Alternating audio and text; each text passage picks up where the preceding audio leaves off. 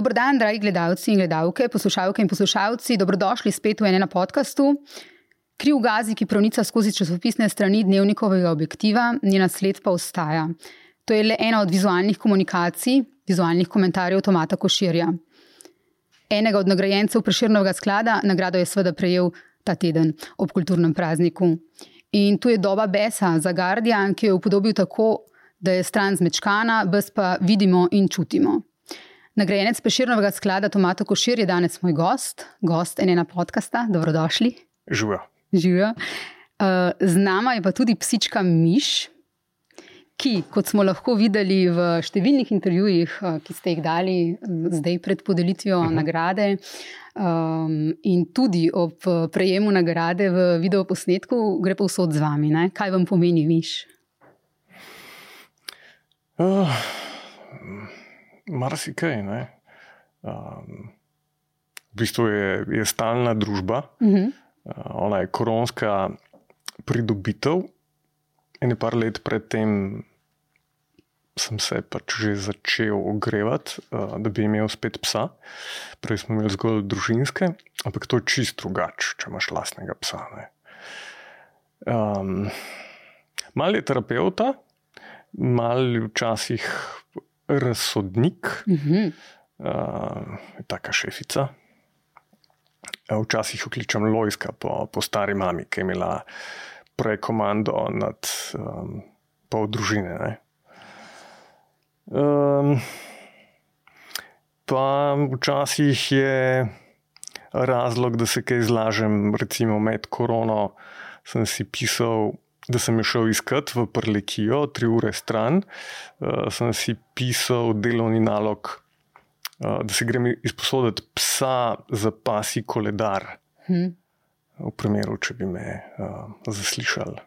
Korona je skratka ni, ni ustavila, da je uh, ta psička prišla do vas. Ne, ne um, moram reči, da me je bilo zelo strah.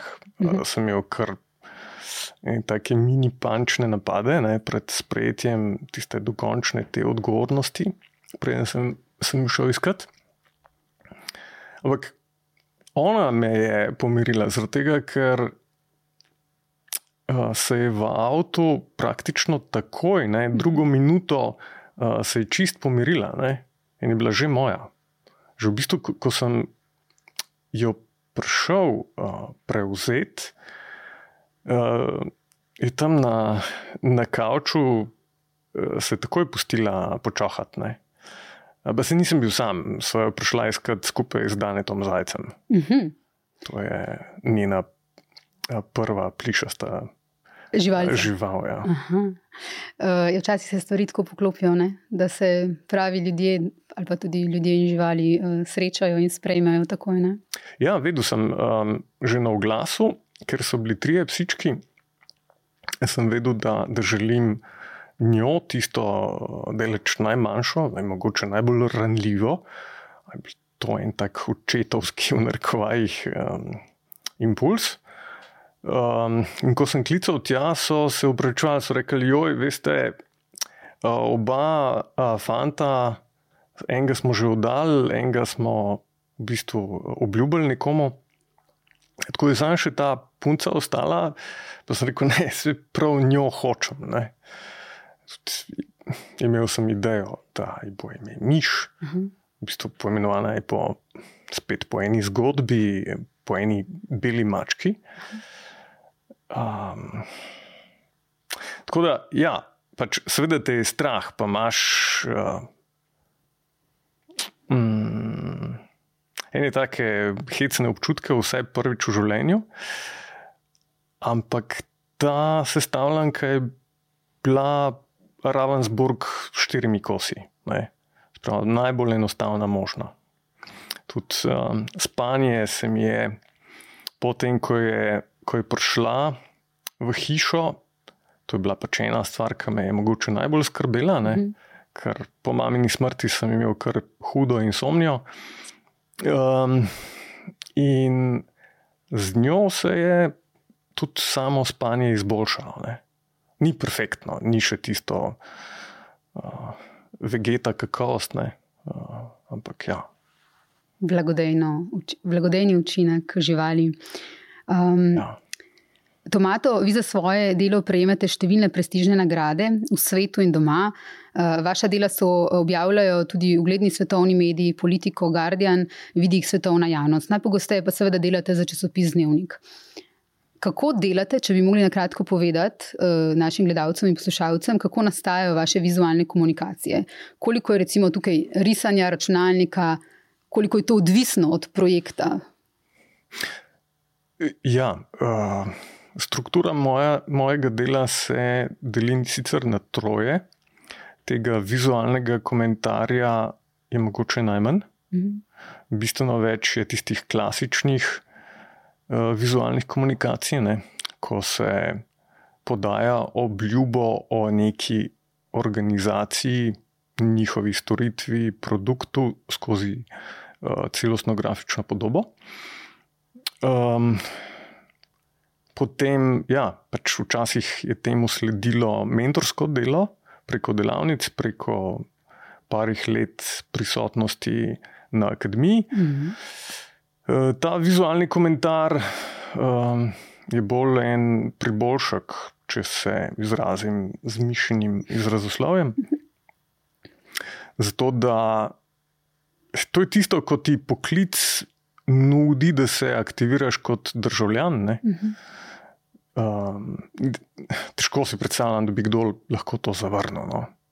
Ker um, si, vsi si želimo uh, nekaj prispevati, ne? vsi, si, vsi stremimo k temu, da bi nekaj pridodal, uh, malenkost izboljšal svet. Se vem, da se to sliši pretenciozno, ampak ja, pač nek tak mikro prispevek pa lahko damo. Ne? In mislim, da vsi stremimo k temu.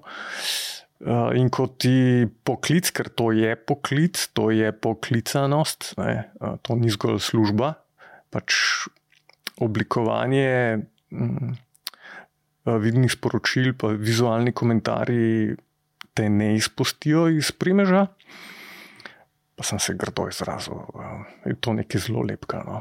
uh, predvsej katarzičnega. Mm -hmm pa zelo tudi odgovornega, včasih si predvsej uh, na tnalu določenih javnosti. Um, ampak ja, pač to ne nehaš biti po osmih urah v uh, studiu. Uh mhm. -huh. Si vse čas, včasih ti to otežuje življenje, včasih se pri zobozdravniku teže sprostiš, ker je kakšen napis z neenakomernimi črkovnimi presledki.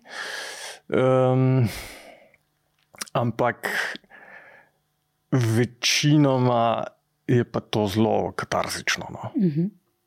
Uh, risanje, računalnik, koliko je to? Se ja. pravičujem, nisem govoril. Ja.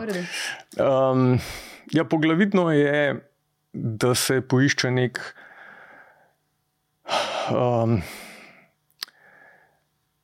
poglavitno je, da se zavedamo, kaj smo. Spravi, da mm, smo v službi naročnika uh mhm. -huh. oziroma nekega sporočila. Um, likovna urodja so zgolj to, orodja, ne, izhajajo seveda iz likovne umetnosti, ampak to ne pomeni, da smo umetniki, uh mhm. -huh. ker nismo zavezani k komunikaciji um, samega sebe, uh, razen v tem širšem družbenem kontekstu, ne, tukaj pride pa vse en vizualni komentar zraven. Um, tam je nekoliko več tebe, ampak vedno tebe v službi večje slike. Spet se to sliši pretenciozno. Vi se nimate za umetnika, ne? to ste ne. rekli tudi. Ja, no, ja. Ne samo, da se jaz nimam za umetnika, pač oblikovanje kot stroka uh mhm. -huh. ni umetnost. Uh, to poudarjam. Uh, ker je to mogoče največja težava pri dojemanju naše stroke, ki se je zelo slabo skomunicirala.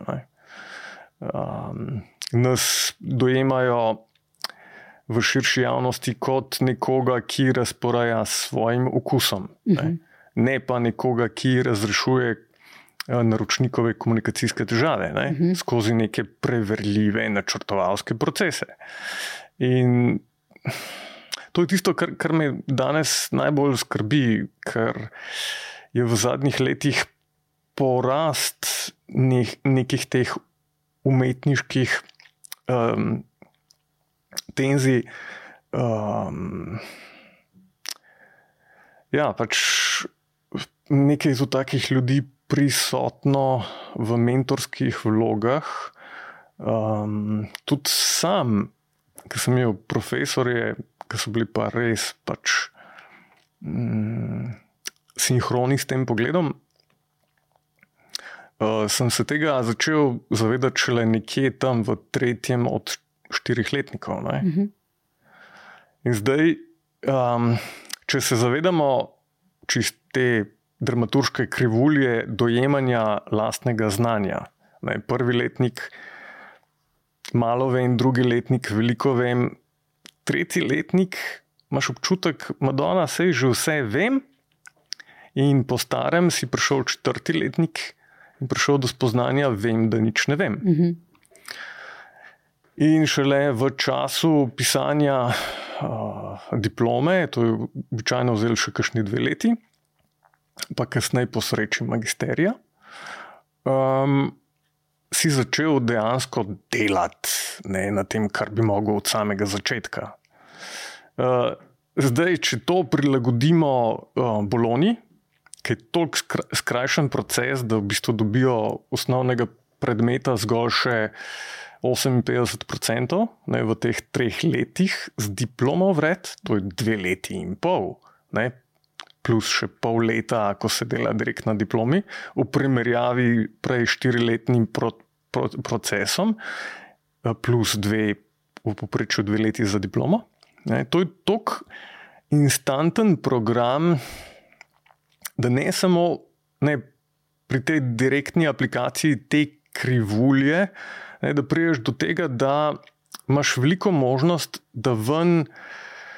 Uh, akademija da, pa ostale fakultete, m, ljudi, ki imajo predvsem ego, nimajo pa še znanja. Uh mhm. -huh. Ne, in kot taki m, ustvarjajo prihodno vizualno krajino m, zgolj v afektu forme. In tega formalizma uh, je ogromno, tega ukvarjanja uh, s formo, ukvarjanja. Um, s provokacijo zaradi eh, provokacije, oziroma pač forme, se pravi, precejšen larpurlartizem in bistveno manj uh, služenje temu, kar sem prej opisal. Uh mhm. -huh. Za delo ste med drugim rekli tudi, da v Sloveniji je modus operiranja. Organizacijska paraliza, tisto, ko se bojimo sposobnih, ker se počutimo ogrožene, jih ne vprašamo za mnenje. To ste govorili tudi v luči stroke oziroma dela v vaši dejavnosti. Ne? Ja, pa tudi, tudi v luči uh, moje izkušnje uh, v procesu uh, poučevanja. Uh -huh. Ravno danes dopoledne sem se pogovarjal z eno genijalko praktično poznam dva genija. En je včerajšnji sonagrenec Ciril Horjak, druga je pa Tjaša Krmavnar, mm, ki je uh, ena izmed treh največjih strokovnjakin uh, na področju ergonomije mm. uh, v Evropi. Mm. Ne, in ona ima zelo podobno izkušnjo, pa ne zgolj pri nas, tudi, tudi v tujini. Ne um, ta modus operiranja je zelo razširjen. Ta, ta strah uh, pred um, inteligentnimi, strah pred študiranimi, strah pred tistimi. Ki se posvečajo svojemu poklicu in so zaradi tega mogoče nekoliko bolj neizprostni, v prvi vrsti do samih sebe. Um, je ogromen, kar pomeni, da, um, da vse stremi k eni poprečnosti. -hmm. In tudi, pač, um, ko priznavajo, priznavajo bistveno rajš uh, poprečne. Um, če že kdo izmed nas dobi kakšno priznanje, ja, pač temu sledi tisti ampak. Vse um, je dober, ampak je težek.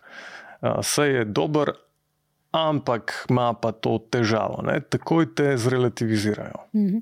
e, Ranka Novaka večkrat omenjate kot mentorja z veliko uh, superlativi. Ne? Ja, on je en izmed dveh učiteljev uh -huh. mojih, ne? ni bil zgolj mentor. Uh -huh. um, Ranko Novak uh, nam je bil ja, pač nadomestni oče, zelo sledil je tisti. Um, tisti sliki o šoli kot drugemu domu. Uh -huh. V bistvu nas je na pol posvojil v, v svojem seminarju in nam je bil na voljo čist v civil življenju. Um, jaz se spomnim po um, očetovi smrti, pa po nekem break-upu sem ga klical in rekel: Poslušaj, dizajn ti vedno ostane. Mhm. Delo ostane. Uh, ja, kar je kar recept, ne? se nisem prvi, ki, ki je to ugotovil. Mm -hmm. mm, je to, ko ste rekli, uh, ko pridejo nagrade, ne vedno pride tudi ampak. Ja. Um, nekoč mislim, da ste tudi povedali, da ko so začeli prihajati uh, večje nagrade, dolgo nazaj, kot ta prve večje nagrade, ne, mhm. da ste v bistvu celo ob 60% zaslužka bili naslednje leto, oziroma manj je bilo naročil, ker potem ljudje sklepajo, da bo človek dražji in če je pa dražji, potem pa pač ga ne bomo poklicali. Ne. Ja, pa, se to še dogaja? Sveda se, pa se to, to ni zares krivda naročnikov. Uh -huh. To je vse v luči napačnega dojemanja uh, našega poklica. Uh -huh. Že v 80-ih, 90-ih se je eh, s pojavom osebnih računalnikov in orodij, ki so bila bistveno bolj dostopna. Ne, eh, do njih niso prišli v, v tistem klasičnem procesu um, izobraževanja, pač učenja samega uh, poklica, ampak mogoče čist na ključno. In orodje ti je skozi to prizmo Vse se ukvarjamo zgolj s formo, upravljamo zgolj z okusi, eh, vi ste v bistvu všečkari, ne? Ehm, neki estetiki, imate vse eh, neko vasr vago, zakaj je lepo in um, kaj ni, ne? so mi šle dlake po koncu. Um, ja, v tej luči je treba pač to razumeti. Um, te ta vrednost oblikovanja, glede na to, da nimamo možnosti spraviti ven rešitev tukaj in v usporednem vesolju, in potem primerjati oba. Ne, eh, ta vrednost, eh, to vrednost je težko uh, opredmetiti.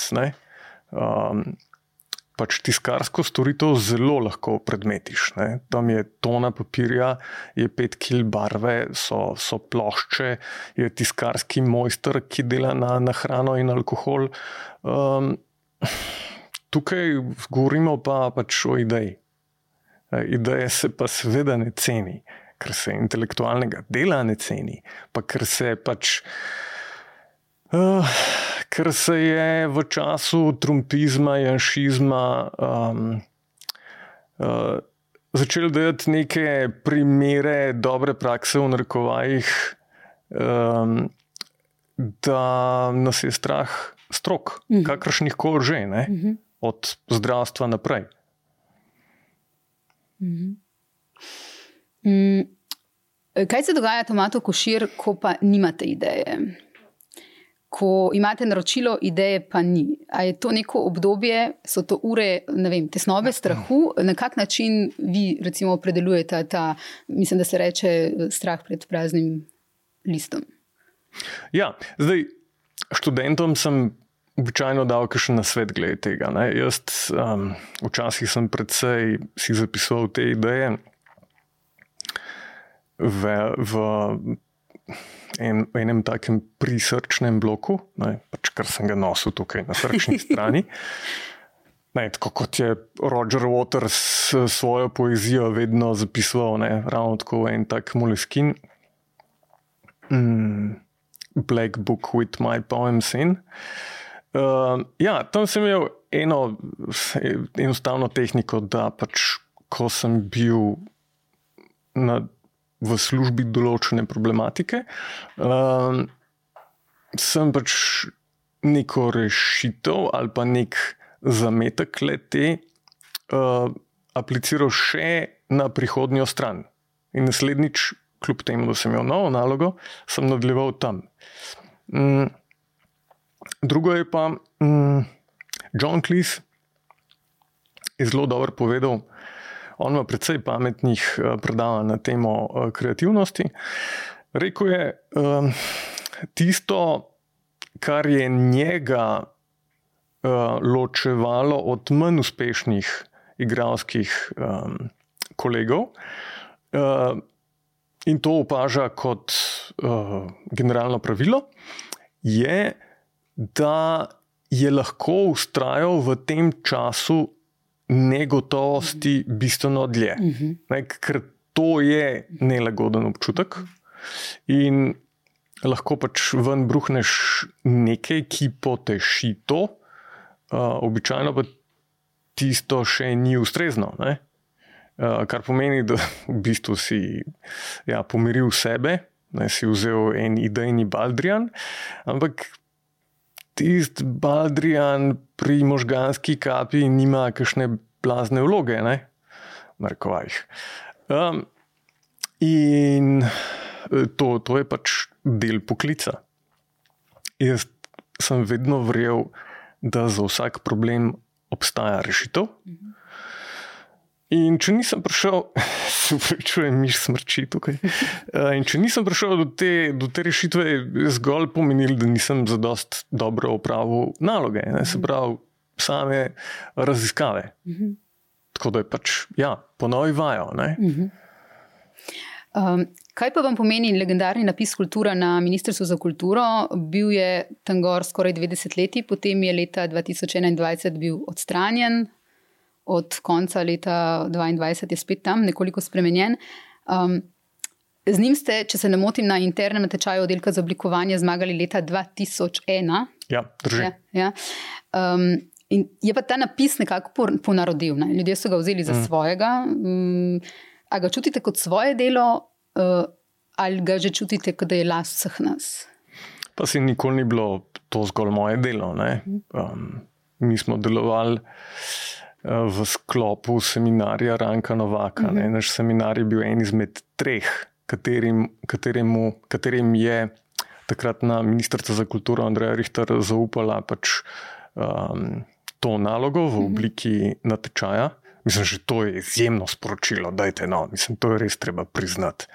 Da, da se minister ne zaveda etimologije besede minister, ne, da so oni v službi nas mm. in da morajo oni zaupati nam, ki vemo na tistem, v tistem mini balončku več. Pa kaj več ti lahko da?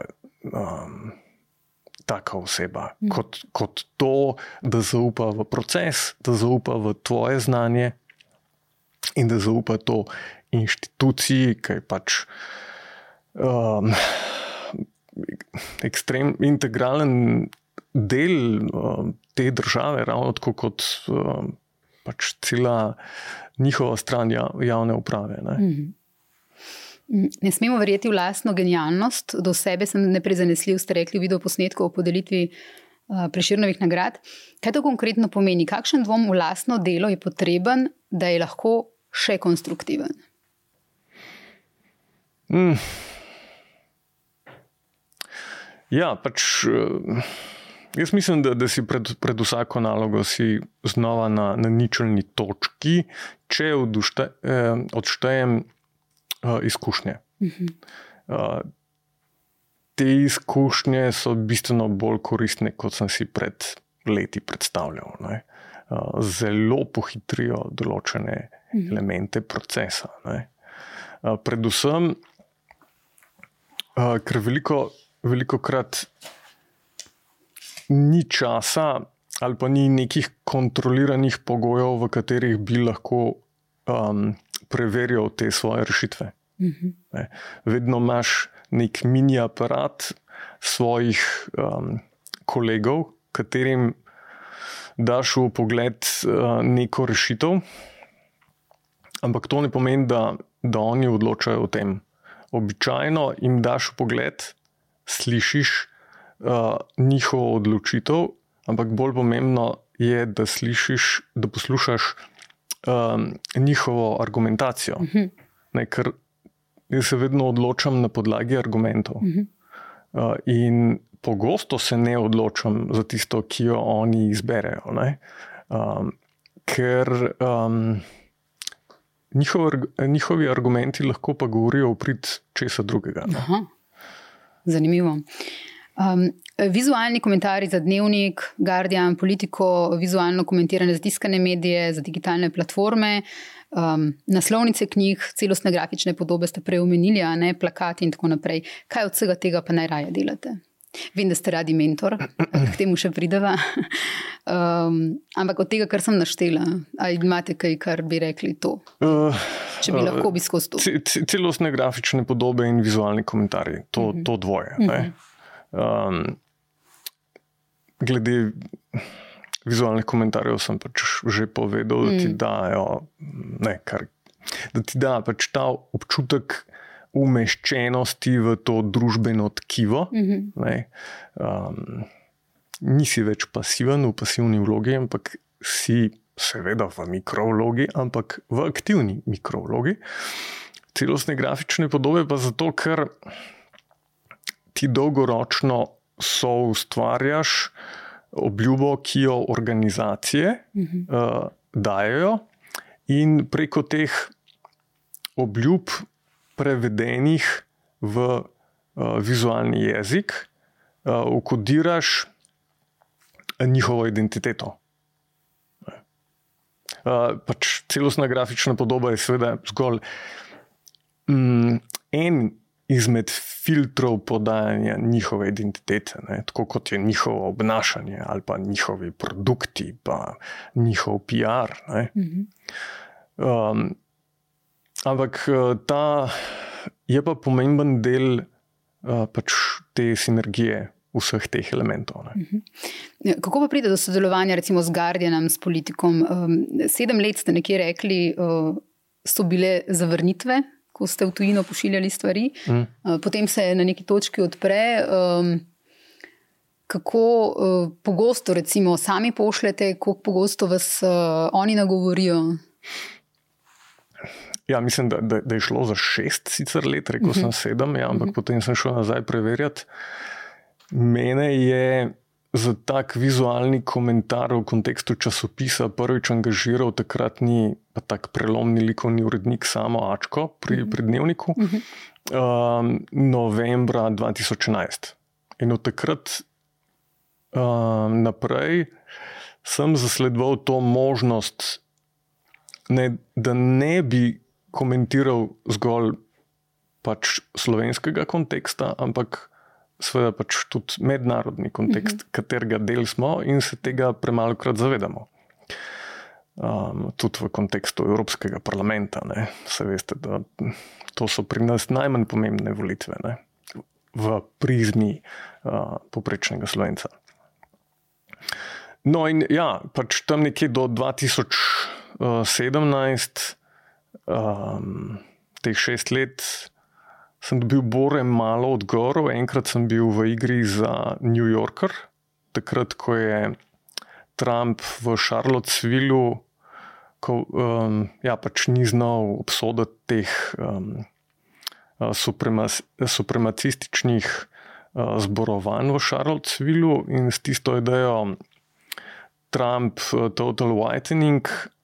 Uh, sem kandidiral za naslovnico New Yorkerja, takrat sem bil še najbližje temu, bil sem pač tisto popoldne, ene tri, štiri ure v igri, potem so se odločili za, za eno drugo rešitev, vse v redu. Uh, um, kasneje sem pa, ja, ko se je zgodil ta požar v Notre Dame. Uh, se mi zdelo nekako logično, da pošljem to eh, likovnemu rodniku na Le Monde. Mm -hmm.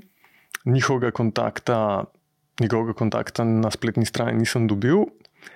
In naslednja asociacija, ki je mogla ostati na tej strani luže, ne, v Seglih, v Združenih državah, je bil to nekoliko manjši dogodek.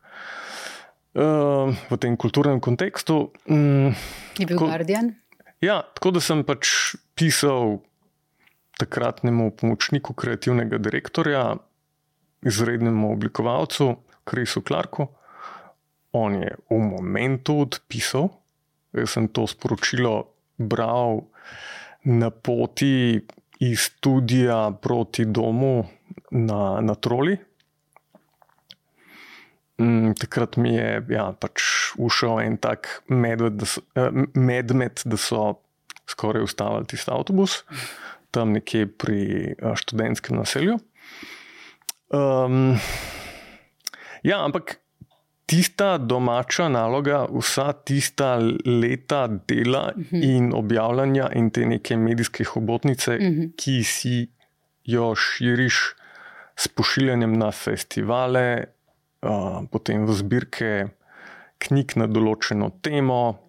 Objavljaš na portalih, um, ki so temu namenjene, namenjeni, potem na družbenih omrežjih, se je nekoliko obrestvovalo, ker me je že poznal preko določenih del uh mhm. -huh.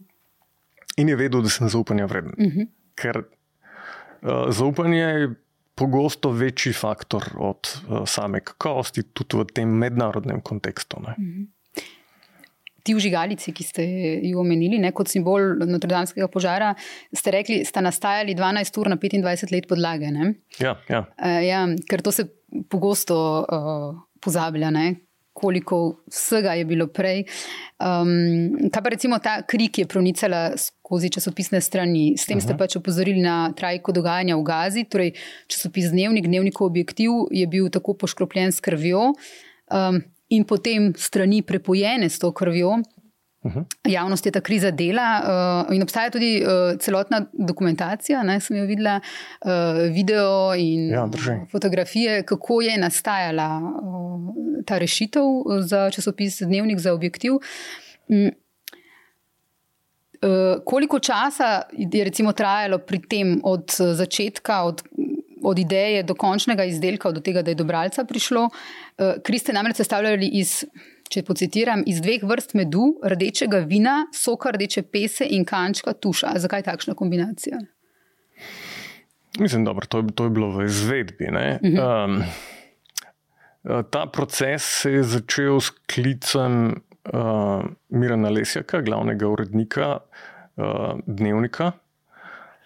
Uh, jaz sem si pač v zadnjih letih izboril, da da največkrat me angažira kar on. Mhm. Tudi, kadar pride angažma z moje strani, kontaktiram njega.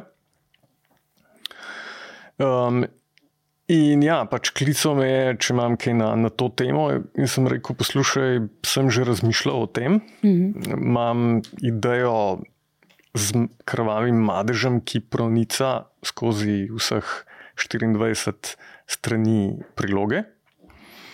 Um, pa sem se mu zlagal. Pač to je tista ideja, se je res utrnila v tistem trenutku. Ampak podzavestno je zagotovo pač bila, bil nek fundament v nastajanju že prej. Mm -hmm. um, ja, potem je bilo pa treba. Tukaj gre za, za sodelovanje. Mm -hmm. Jaz nisem noben genij, da bi pač bil edini nosilec um, um, takšnega projekta, ker to je bil projekt, ne, to ni bila zgolj naslovnica, ampak je zahtevala določeno usklajenost cele ekipe.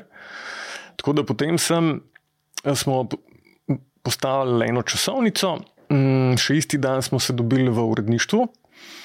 Um, sam sem prinesel uh, eno bjanko polo časopisnega papirja um, ki sem jo polil z bučnim oljem, zato da je pač to olje pronicalo, ne, naredilo pač to transparenco v, v vlaknih uh, celuloze. Um, ker, ja. Silviji Črnej, likovni urednici, sem samo povedal, da kri pronica skozi številko in je točno vedela. Um, novinari se pa, ja, pač njihov njihovo orodje je pisana beseda. Um, tako da je bilo, so rabili pač eno pomagalo. mm, da si točno ustvarijo predstavo, kaj, kaj s tem mislim. Predvsem pa je bilo pomembno, da se jim razloži, ne, da mm, morajo sicer merkati, da v tej uh, drugi četrtini, na sredini časopisa, ni nobenega oglasa ali pa uh, kakšnega portreta. Ne, To bi bilo res izven konteksta, uh -huh. da bi glavni intervjuvenc imel krval madež na, uh mm. -huh. na licu. Um, ampak sicer pa, da se ne prilagajajo temu. Ne? Um, to, ta moment presenečenja, na ključa je moral, to je bil integralen del uh -huh. te, te ideje. Uh -huh. uh, tega madeža se ni smel oblivati v narkovajih, ne? umikati se s tekstom le temu, ampak je bilo treba pač pustiti ta element na ključa, da pač ja, penetrira skozi celo prilogo gre čez, čez besedilo, čez fotografije. Uh, nas, bali smo se, seveda, um, samega vpliva na čitljivost. Uh mhm. -huh. Zato smo hitro uh, naredili uh, ene par porobnih otisov, uh, ne na rotacijo, ampak pač na en kalibriran printer. Um, in tisto sem naredil še pač. Um, stušem. Seveda pa ugotoviš pri pr prvem takem poskusu, da tukaj ni nobenih bližnjic, ne? Da krije materija, s katero smo se vsi pač spoznali in jo vsi prepoznavamo. Zelo dober. Ne? Se, če ne morem pretendati samega sebe, ne bom nikogar drugega. Ne? Um, tako da je bilo treba ugotoviti, kako če ne želim biti brutalen sam do sebe, pa si puščati kri tudi dobesedno. Eh, kako prideti do tekočine, ki, ja, ki bo pač dajala ta vtis.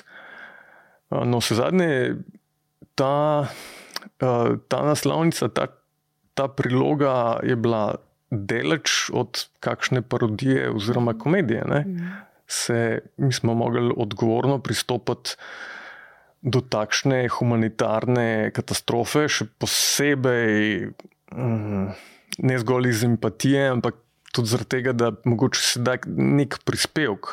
Da jaz bi bil zadovoljen, če se reši eno otrokovo življenje mnogo bolj kot kakršne koli nagrade, ker to je tista glavna motivacija. Ne?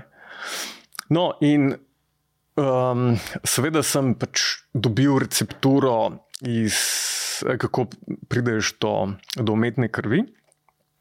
Gre za mešanico koruznega um, um, sirupa, pa rdečega pigmenta.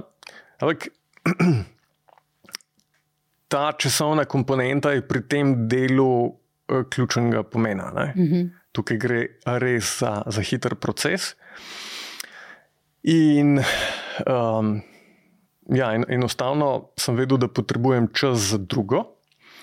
Zato sem po neki analogiji se odločil, um, da izhajam iz medu in vina. Ja, pač za, za dve različice medu je šlo iz čist banalnih razlogov, ker pač doma nisem imel zadostne količine. Ne? In so krdeče pese in to nadomeščal vino, ker mi v mojem stanovanju ni pač nikoli prav, kaj veliko vina. No? Um, in kasneje sem pa ugotovil, da, da je bila ta kri ja, po nekem naključju v bistvu boljša odločitev kot ta koruzni sirup, mm -hmm. ker se ni sušila. Mm -hmm.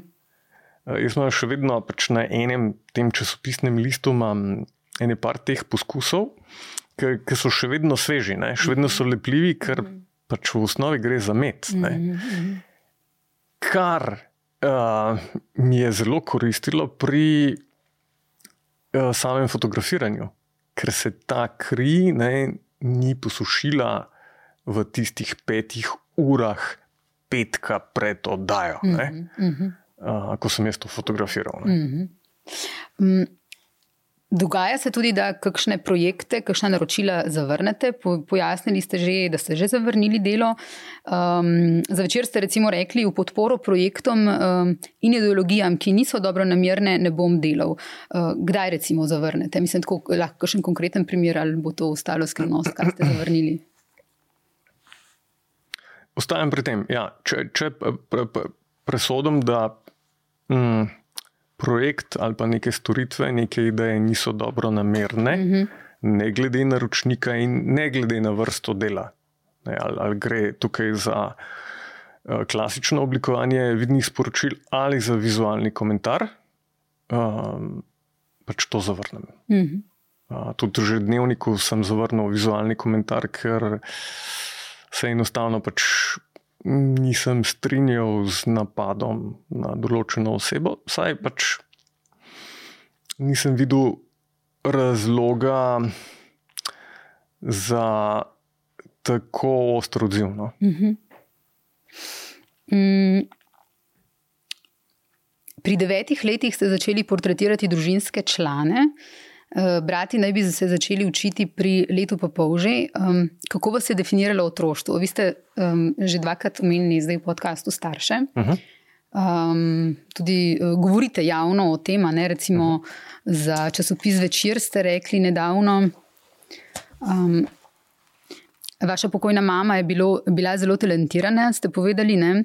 a zaradi zdravstvenih težav je zastajala v šoli, slab uspeh je močno omejil izbor poklica in je delala potem kot prešivilja v planiki. Pri 40-ih, oziroma že prej, so jo upokojili zaradi zdravja in je imela na koncu 412 evrov pokojnine s vsemi dodatki. Mhm. Oče s podobno zgodbo, zelo talentiran. Vi pravite, bil je industrijski oblikovalec avtomobilov, mu tega nihče ni povedal. v iskri kibernetike je delal kot eh, kovino razkalec in ko je oddelal svojo normo, smo upustili, da je v preostalem času reska modele avtomobilov iz polne plastike, ki jih je potem namenil vam in jih imate teh 241 modelov uh, še vedno doma. Um, kakšni so ti modeli, kaj vam pomenijo in tudi kako vas je v bistvu to otroštvo zaznamovalo. Se pravi, vi o tem javno govorite, zato uh, vas, uh, ni težave, da vas uh, vprašamo o tem. Ne. Tudi v smislu, koliko talentov, ne, kot, so, kot sta bila vaša starša, ne, gre mogoče mimo, m, so neopaženi uh, ali zaradi okoliščin, uh, ali zaradi tega, ker pač jih uh, družba ne prepozna kot talentirane. Ja, mogoče je to botrovalo eni moji izjavi v aparatu, da ne priznavam, da ne verjamem v, v talent. Ne, uh mhm. -huh. To je pač ena moja obrambna reakcija. Uh mhm. -huh. Ne želim tega priznavati, zaradi tega, ker hitro postane to že končni cilj ljudem. Ne. Sem talentiran in to je to. Ne? Ja, sem uh mhm. -huh. pač dosegel no, občudovanje. Uh -huh. uh -huh. ja, ampak, da se vrnem na otroštvo, ja, pač za enega opazovalca mm, ta moja zgodba, ko sem postal, temu se reče, postaršen otrok. Ja. Starš svojima staršema, tam od nekih šestih let naprej. Uh, ker sta oba sta se pač bojevala zaradi uh, ja, rezultatov uh, sistema, sistema, ki pač izjemnemu posamezniku tega ni želel uh, priznavati. Marsikaj uh, tega sistema je v Sloveniji še danes živega. Mm, Ja, um, ampak to mi je dal neko primerjalno prednost, mogoče. In sicer, da sem razvil določeno empatijo, ki mi pri delu z naročniki pride prav. No, vse zadnje uh, komuniciram njih, ne? moram njih um, pač ustrezno spoznati. Uh, koristilo mi je jasno, jasno tudi pri mentorskem delu, uh mhm. -huh. tako na na akademiji kot um, na delavnicah. Pa pač bil sem določeno število let uspešen pri, pri očetu, um, še dve desetletji dlje pri, pri svoji mami. Mm, kar ja, pač um, priznavam kot, kot, kot napor. Um, ta, ta vložek ja, je, bil, je bil pomemben um, za pač to našo, našo skupno uh, zgodbo. Je pa zanimivo, no, pač te, te izgube, o tem se kaj dosti ne govori, ampak ko ti izgubiš najboljšega prijatelja um, ali pa starša, uh, ti izgine del zgodovine. Um, del tiste tvorne interne zgodovine, ki je ne moreš več deliti z nikomer. Ne? In zato je pa dobro pisati. Mhm. Pred parimi leti sem pisal o tej zgodbi, o očetovem samomoru. Um, in je katarzično, priporočam. Mhm, pisanje. Ja, pa pač, ko je čas zrel, lotevanje se teh uh, družinskih patologij. Um, radi ste mentor, to ste omenili tudi sami, uh, radi ste mentor drugim, uh, in tudi to ste že javno govorili, da, da ste bili nekakšen mentor v času odraščanja, recimo tudi mami, ki je imela bipolarno motnjo in se je zanašala na vaše uh, uh -huh. znanje, bodrenje uh, že od vašega šestega leta. Um, Ampak rekli ste pa tudi, da v bistvu tega ne, niste sprejemali kot travme, ampak kot um, običajno zahtevnost odraščanja, ki vam je dala sposobnost skrbeti za nekoga drugega in za empatičnost. Uh, in ta je pomembna pri podajanju znanja, tutorstvu, mentoriranju, pravite. Ja. Um, veliko skrbi in odgovornosti ste očitno imeli in občutili kot otrok, in uh mhm. -huh. čuti se, da v bistvu to čut za odgovornost in skrb imate tudi v otroštvu, v odraslosti. Uh mhm. -huh. Koliko, kako pa v bistvu poskrbite, da ta um, čut za skrb in odgovornost uh, v vaši profesiji, v tem, kar počnete, um, da ne zatreta ustvarjalnosti, kar se včasih lahko zgodi pri ljudeh, da v bistvu skrb in odgovornost prevladata nad ustvarjalnostjo. Mm, jaz na to ne gledam tako. Aha. Jaz mislim, da pač ta skrb in odgovornost je del briefa, uh mhm. -huh. nujen del poznavanja same problematike, uh, nujen del um, končnega tona, nagora, vsebine sporočila um, ustvarjalnosti ne more zatreti več briefa, ravno obratno, uh mhm. -huh. več, več omejitev uh, potrebuje ustvarjalnost, zato da jih razrešimo. Uh -huh. Uh -huh.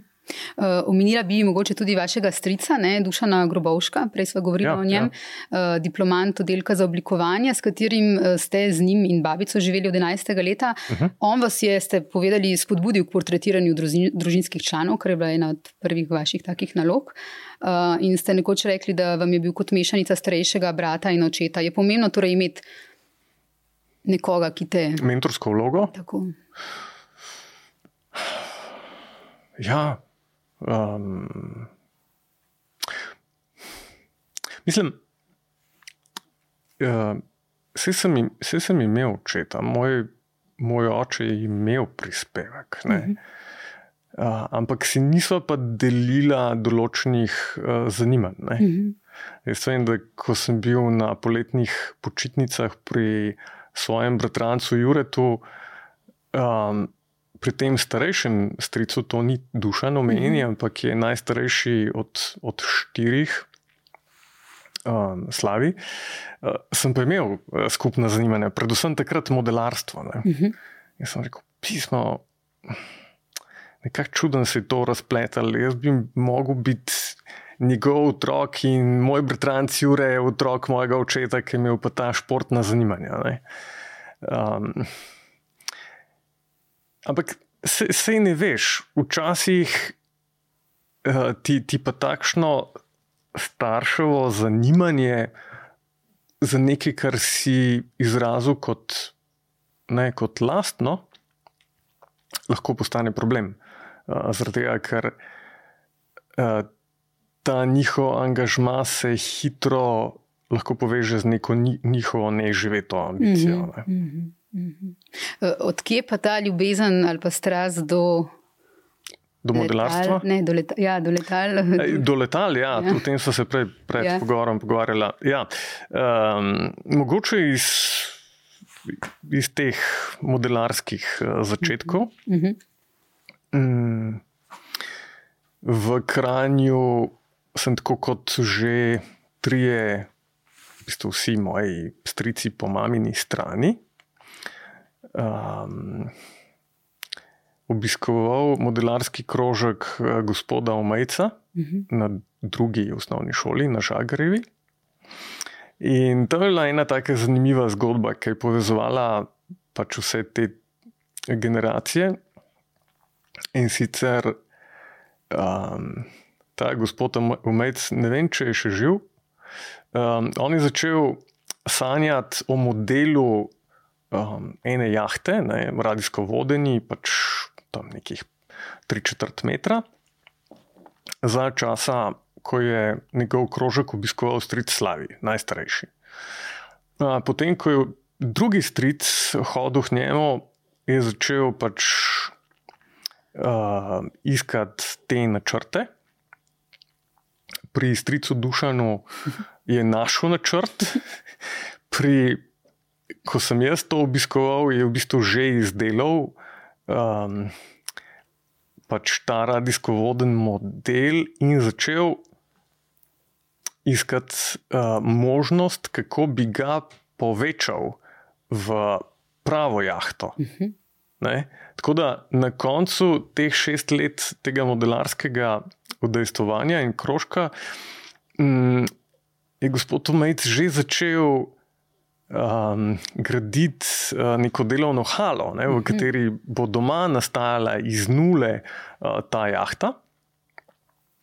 In ja, čisto na koncu osnovne šole, ko sem se že poslavljal od tega, um, je bila v bistvu ja, pač, um, ta spodnji del, ta um, glisirni del, je bil že v času, uh, v fazi laminiranja.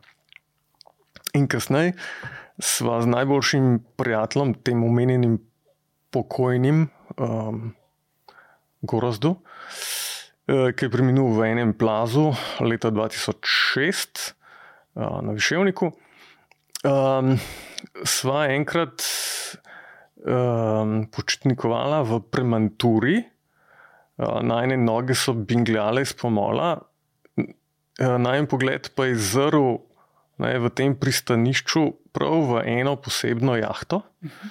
Ker naj je pač na neki spominjala, prožila se ena Magdalenca. Ne? Uh -huh. uh, in ne samo, da je pač uh, je ta jahta spominjala na nekaj, ta brdati gospod, um, sar, sam krmar naj jo izjemno spominjal ne, na, na nekoga. In potem naj jo poklical košir, krizjak. ja. Um, grem nazaj na vaše delo. Za Val 202, ko ste bili ime, ime tedna, ste rekli, da sekunda in pol je tista doba, ko lahko pritegneš um, vizualno bralca ali pa ga ne. Uh, kako enostavna mora biti ta vizualna komunikacija ali pa vizualni komentar, da učinkuje, in ali je včasih lahko preveč enostavna in zato ne učinkuje. Mislim, stremeti moramo k jasnosti, uh mhm. -huh. ampak uh, se zavedati, da uh, ne podcenjujemo samega bralca, uh -huh. uh, hkrati pa jasnost ne pomeni banalnosti. Uh mhm. -huh. Uh, eden od strahov, to ste rekli za podcast Strašno hudi leta 2019. En od vaših strahov je, da bi ne vede citirali koga drugega, v smislu, da bi idejo ne vedoč pobrali. Uh -huh. Se vam je to že kdaj zgodilo in ali je to pogosto v vašem poslu oziroma vaši stroki, to, da, da človek ne vede pobere? Ne? Vam se je to že kdaj zgodilo? Ja, enkrat sem pisal Arjanu Preglu, uh, poslušaj. Um, pri, pri tem Kalinovem piskaču, a si si mogoče nehote videl moje, mojega, ne, sem ga pretvoril v, v Janšo, kar je pač zelo enostavno meni z datumi dokazal, da je bilo ravno obratno. A res, ne. da je on prvi. Je On, on prvi prišel Aha. do te ideje, mislim, da je uh, za, za, nek, za nek protest ga izdelal ne, 3D. Jaz sem ga pa ne vem, kakšno leto, dve zatem um, šel po rahlo drugačni poti, sem izhajal iz, iz logotipa RTV Slovenija. Ne. Ampak kako pa to preverjate? A kdaj preverite kakšno idejo, če imate recimo za Ja. tujega naročnika? Ja, kako, Ja, mislim, da se recimo, da, da objaviš na Pinterestu. Uh -huh. Pinterest ima en tak algoritem, ki precej dobro prepoznava te forme, ampak to, tukaj gre predvsem za prepoznavanje form. Ne, um, ne gre za iskanje iste semantike. Ne. Tako da, da je, je težko. Um, pomaga pa, ja, se to je dosti banalno, ampak jaz nisem nikoli želel gledati uh, grafiso in podobnih zbirk na določeno temo, mm -hmm. zato da ne bi ne ljudje mm -hmm. pobral. Ne. Mhm, mhm, mhm. Uh, sej, sej velja, vse to lažemo s, s tistim. Uh, stari mojstri so nam pred stoletji pobrali naše najboljše ideje. Ne? Ampak ne, ne moreš iz, pač se s tem sprijazniti in pač enostavno nadaljevati. Mm -hmm. To ni, ni dober občutek. Mm -hmm. Eh, Politiko je objavil eh, tiste vaše križajoče se raketne izstrelke, ki tvorijo Davidovo zvezdo. Eh, Takrat, v tistem trenutku, ko ste naredili to vizualijo, ko je bila objavljena, je bilo to vezano na raka- raketne napade Hamasa. Uh -huh. Danes pa bi jo lahko brali tudi drugače, ker se je vmes marsikaj spremenilo. Ja, danes bi, bi jo lahko brali kot pač izraelsko militantnost. Ne? Tako, ker se je spremenil vmes kontekst, Ja, ne, kdaj ja. je bila objavljena. Ali kdaj reciklirate svoje stare stvari? Ste to že kdaj naredili? Mislim, recikliram uh, stare stvari, objavljene. Ne, Ne? Mogoče, ne vem, mogoče pa sem. Ne vede. Um, ampak ta sama tehnika avtocitata v njej, v njej ni nič slabega, uh -huh. čist legitimna, uh -huh. zato beležimo te ideje, kot sem prej omenil, v pač te bloke. Ne? Uh -huh. Um, in tista, ne vem, če se spomnite, leta 2005 sem naredil eno podobo, edino mojo podobo za jazz festival v Ljubljani. Klavir sem sestavil iz belih in črnih prstov, uh -huh. zaradi tega, ker jazz ni zgolj glasba. Uh -huh. uh, jazz je bil en ta kulturni kontekst, ki je omogočal prepletanje različnih ras. Uh -huh. um, in takrat sem želel mm, predvsem to komunicirati. Ne? In pri um, preletavanju teh uh, starih idej sem naletel na, na tisto. Mogoče je bila ne, štiri leta stara ideja, Mhm. iz časa še akademije, ko smo delali na, na temo uh, rasnega sobivanja, če se ne motim. Ja, in sem pač direktno apliciral uh -huh. tisto rešitev. Uh -huh. Uh -huh. Um, veste, gre za iskanje ustreznih rešitev, ne za iskanje nujno povsem svežih rešitev. Mm. Če je rešitev uh, pač že odprej, pa ni bila uporabljena, pa da je ravno tako ustrezna, je povsem legitimna. Mm -hmm. Uh -huh. Kako pomembno pa je, da zelo spremljate dogajanje v Sloveniji in po svetu, če hočete biti dobri v tem, kar delate. Ker zdaj sem povedala, ne, kako se v bistvu kontekst spremeni, se, mislim, kako se v bistvu stvar spremeni, ko se kontekst spremeni. Vi skratka morate zelo spremljati in medije, in dogajanje, tuje, domače, vse. Ne. Biti zelo, zelo razgledani. Mislim, da, mm. da, da, je to pre, pretirano. Res? Tako zelo ne spremljam. Ne? Nimam več iste kapacitete, kot sem jo imel vem, kot, kot najstnik, uh -huh. ko sem požiral uh -huh. uh, vse um, takrat televizijske in časopisne vsebine. Ne, ko sem uh, pogledal vsako oddajo Miše Mok. Um, danes uh, je, je, to, je to drugačna zgodba. Mam, mam, bolj, mam, bolj spremljam preko določenih teh opozorilnikov. Mm -hmm. um, CNN-ova aplikacija je tukaj zelo koristna, pa BBC-eva, ki imajo te možnosti teh um, upadnih, pomembnih novic. Notifikacije. Ja, ja. Mm -hmm. um, mogoče samo ena digresija, uh, tomato.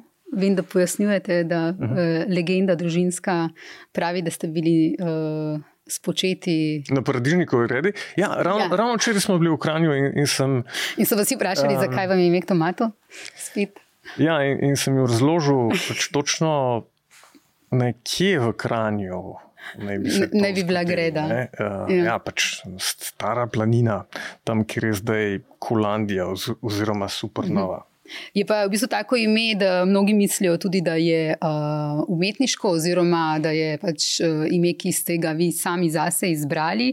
Obstaja tudi nek legendarni. Uh, Londonski studio, ki mu je ime Tomato. Mislim, da, da, da je tisti Tomato Project. Ja. Ne vem, če so še aktivni. Uh, uh. Ampak ja, pač tega sem imel kar travmo tam v, v času akademije, glede tega. Uh mhm. -huh. Ampak, ja, se jaz pa pokažem, kakšne te portrete, ki sem jih delal, um, in pač ta, to prvo formo podpisa. Um, Ker takrat dejansko prideš šele do, do tega pojma, ne? prej zapisuješ svoje ime, ampak podpis je nekaj drugega. Uh -huh. Um, in pol, pol je pač malo bolj jasno. Uh, kaj ste pomislili, ko ste izvedeli, da dobite nagrado preširnega sklada? v bistvu pre, predtem sem se predvsem napsihiral, da pač ni niti najmanjše možnosti, da jo dobim. Um, bil sem že parkrat nominiran, pač ni bilo nič iz tega, um, zato sem vseeno okrog sebe, ki so nekako navijali, kot sem jaz nekoč za Matajo svet, mogoče. Ne.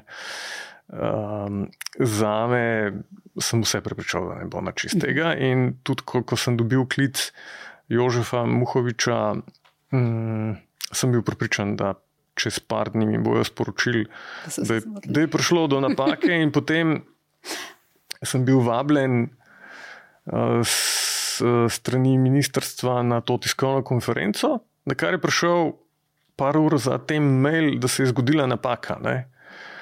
In jaz nisem vedel, kakšna napaka, ker odgovora na to pač je bil, ne, mislim, da je petek, pet minut čez tri, pa nisem več dobil. Ne? In tisti ponedeljek.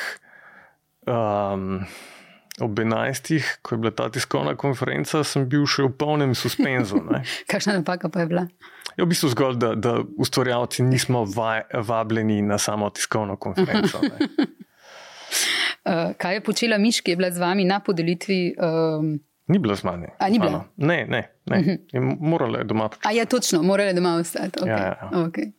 Um, Končajva s tem, kakšno moč ima lahko podoba uh, z več ljudmi, fotografi, tudi Samiro Kentrič, ki je bila tukaj v enem uh -huh. ene podkastu. Ja. Smo že govorili o moči podobe in o tem, um, kako smo bombardirani s podobami uh -huh. v današnjem svetu in času, ki vse jih vidimo, v bistvu vse nam je dosegljivo v istem trenutku. Lahko vidimo od vrhunskih uh, podob do totalnega kiča in vsega vmes.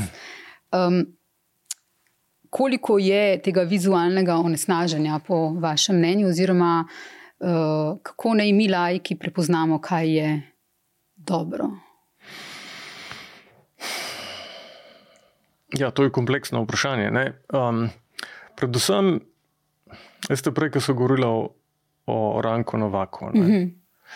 ko, ko ti človeku, ki je sicer že izpolnil pogoje za, za upokojitev, Uh, ampak običajno se ljudem, ki so mm, tako pronicljivi v takšni formi, kot, kot je on, ne, um, še vedno je poklican, še vedno ostaja oblikovalec vse čas. Uh, ne podaljšaš delovnega razmerja. Ne. Takrat ne izgubiš um, nadaljnega opusa ene osebe, ampak izgubiš potencijalen opus vseh, ki bi jih on v tem času učil. Mhm. Ne, praktično zanemarjaš del prihodnje vizualne krajine. Mhm. In kakšna je po vašem mnenju vizualna krajina, recimo sveta, ki ga živimo? Čeprav to verjetno ni ena sama stvar, ne? verjetno smo lahko tudi tukaj znotraj balončkov. Meni je bilo pomembno v tistih treh letih, najbolj srečnih, ko, ko, ko sem učil na, na akademiji, na oddelku. Sicer so bila najbolj naporna leta, so mi pač, ne vem, malo frderbala ščitnico, pa slinovko, pa uh, še kaj. Ampak um, takrat sem se zavestno usmeril v to in svojima kolegoma, Jrneju Stritarju in Robertu Ilovarju, izjemnima oblikovalcema, ki sta, sta takrat imela še skupni studio, um, Ilovar Stritar. Sem nekako podal eno tako generalno idejo. Ali ste se, mi imamo izročilo tega, kar smo sami izkusili, da se profesori najbolj ukvarjajo s tem luksuznim mini projektom, s tistimi tremi ali pa petimi najboljšimi, s tem cvetoberom. Ampak mogoče je pa pomembnejš, da tiste zgolj podpremo. Mhm zato ker nam je vsem jasno, da bodo uspeli in da sami vlagajo za dost um, v ja, pač plemenitenje lastnih znanj in uh, osebnostnega horizonta, um, in se intenzivno usmerimo v tri četrt tistih, ki so na tej točki mogoče povprečnih, ali pa se še iščejo pa, ali pa imajo tisti trenutek neke druge probleme. Ne vem, um, imajo doma malega otroka, ali pa so še na pol v prejšnjem študiju umetnostne zgodovine. Ne? Kar ne pomeni, da, da so povprečni posamezniki, ampak pač um, izkaz. Um, njihovega dotakratnega prispevka ne, na področju oblikovanja, pa še ni presežen. Dajmo se pač njim zares posvetiti v tej. Ne, um, dajmo njim največji kos pogače, ker s tem bomo dejansko nagovorili tisto večino, ki bo verjetno kvantitativno najbolj uh, so ustvarjala prihodno vizualno krajino, mm -hmm. ki je ta trenutek uh, v rahlo slabi formi, um, predvsej um, je enega formalizma, predvsej ene histerije, ne, pač ali pri pospeševanju prodaje um, ali um, skozi neka umetniška nagnjenja oblikovalcev, ki favorizirajo um, formo zaradi forme, um, provokacijo zgolj na, na tem likovnem nivoju, zanemarjajo pa samo razumljivost sporočila mhm. ali pa samo sporočilo. Uh, razstava nekaterih Banksijevih del je trenutno v Ljubljani. Mhm. Videla sem, da ste komentirali Banksija za marketing mhm. magazin. Ste si jo že ogledali? Ne, ne nisem. nisem. Uh, zelo malo hodim na to, ker zadnji čas, mislim, zadnje tri leta, odkar, odkar imam miš. Uh, pač spoznavam ene določene te umitve, uh, imeti psa vse čas s sabo. Aha. Kam psa? Do, uh, ja, ja. Ja. Na to razstavo ja. sicer pustijo psa, to sem pa jaz preverila. Aha, no. ja. um, Vse je večino pač teh, teh del poznam. Ja, ne. Nekaj štejem imeti vizualne komentatorje. Uh -huh. uh, jaz mislim, da, da ima, vse se ne bi rad primerjal, ampak uh, da je motiviran zelo podobno. Uh -huh. Je družbeno angažiran, uh -huh. to je tisti glavni motil, uh -huh. motiv. Uh -huh. Končajva takole. Postavil je visoke standarde v stroki vizualnih komunikacij, pisalo v obrazložitvi za vašo nagrado in še eden najuglednejših teoretikov in piscev sodobnega grafičnega oblikovanja, Steven Heller, je koširevo delo za The Guardian Age of Rage, torej doba besa, s katero sem tudi začela, označil kot najbolj učinkovit vizualni koncept, ki ga je kadarkoli videl za naslovnice revij, knjig, plošč, plakatov in brošur. Uh, Kdaj tomato košir sklenete pri sebi kompromise in kdaj ne pri svojem delu?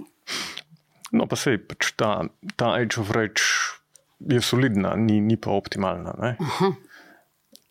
okay, to se je zdaj po reakciji sodeč ja slišal, kot da se delam skromnega. Ampak ne, um, um, tisti tist prvi usnutek je baziral na, na belem papirju. Um, kjer, kjer se je vsa ta 3D modulacija, te izmečkanine, mm, bolj naravno um, uh, modelirala ne, uh, preko, preko svetlob in senc. In zahteva mm, uredništva je bila, da, da dodam to rdečo barvo. Mm -hmm. Meni je pa to ja, pač odvečno podvajanje in tak duran, duran efekt, bi rekel, naši strici in tete, ne, ki so živeli 80-ta. Um, pa, pa tudi na koncu nisem bil najbolj zadovoljen z um, eno dodatno saturacijo, ki so jo um, umestili na, na, na to sporočilo. Tako da, ja, pač, sej, sporočilo je jasno, sem čisto zadovoljen, ampak ni, ni pa optimalno. Mislim, da ja, pač, če, če bi bil čas, pa, pa če bi imeli tisti direkten stik, vsaj prek telefona, ne, tu, vseh teh sodelovanj gre zgolj prek maila, uh mhm. -huh. bi jih mogoče uspel prepričati. Ne. Okay. Najlepša hvala za uh, vse, kar ste povedali danes v enem podkastu. Hvala tudi Miši, ki je bila izjemno priden pes. Uh, hvala tudi vsem gledalcem in gledalkam, poslušalcem in poslušalkam. En ena podcast je torej spet nazaj in kmalo se spet vidimo. Hvala.